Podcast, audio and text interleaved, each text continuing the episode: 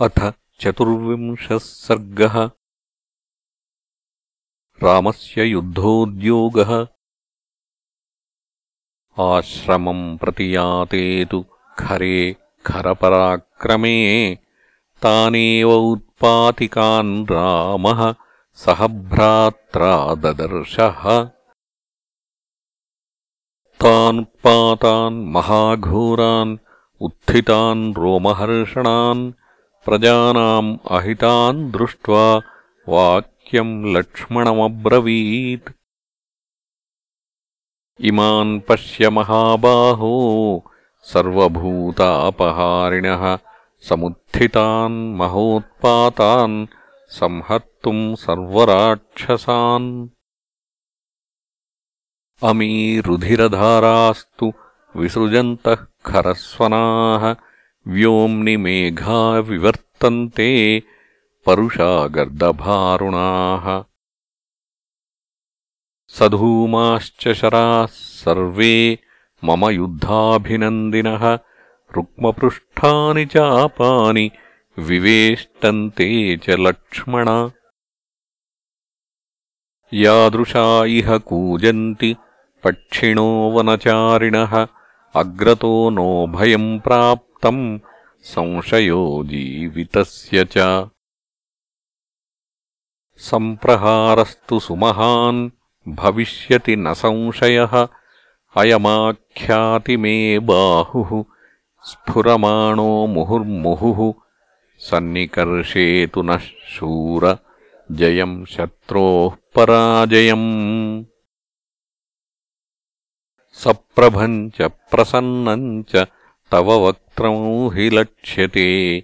उद्यतानाम् हि युद्धार्थम् येषाम् भवति लक्ष्मण। निष्प्रभम् वदनम् तेषाम् भवत्यायुपरिक्षयः रक्षसान्नर्दताम् घोरः श्रूयते च महाध्वनिः आहतानाम् च भीरीणाम् राक्षसैः क्रूरकर्मभिः। अनागतविधानम् तु कर्तव्यम् शुभमिच्छता। आपदम् शङ्कमानेन पुरुषेण विपश्चिता।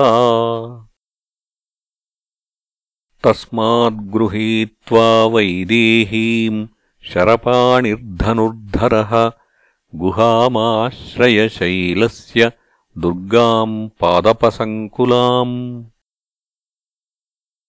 प्रतिकूलितुमिच्छामि न हि वाक्यमिदम् त्वया शापितो मम पादाभ्याम् गम्यताम् वत्स माचिरम् त्वम् हि शूरश्च बलवान् हन्याह्येतान्न संशयः स्वयम् तु हन्तुमिच्छामि सर्वानेव निशाचरान्। एवमुक्तस्तु रामेण लक्ष्मणः सहसीतया शरानादाय चापम् च गुहाम् दुर्गाम् समाश्रयत्। तस्मिन् प्रविष्टे तु गुहाम् लक्ष्मणे सहसीतया हन्त निर्युक्तमित्युक्त्वा रामः कवचमाविशत्। स तेनाग्निनिकाशेन कवचेन विभूषितः बभूव रामस्तिमिरे विधूमोऽग्निरिवोत्थितः। स चापमुद्यम्यमहत् शरानादाय वीर्यवान् बभूवावस्थितस्तत्र ज्यास्वनैः पूरयन् दिशः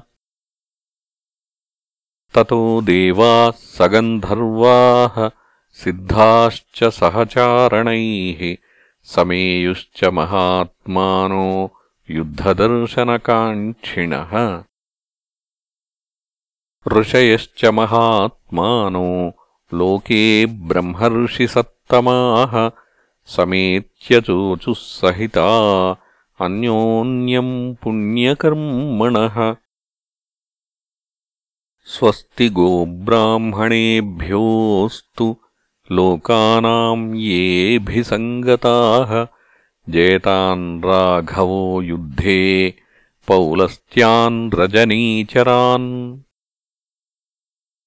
चक्रहस्तो यथा युद्धे सर्वानसुरपुङ्गवान् एवमुक्त्वा पुनः प्रोचुः आलोक्य च परस्परम्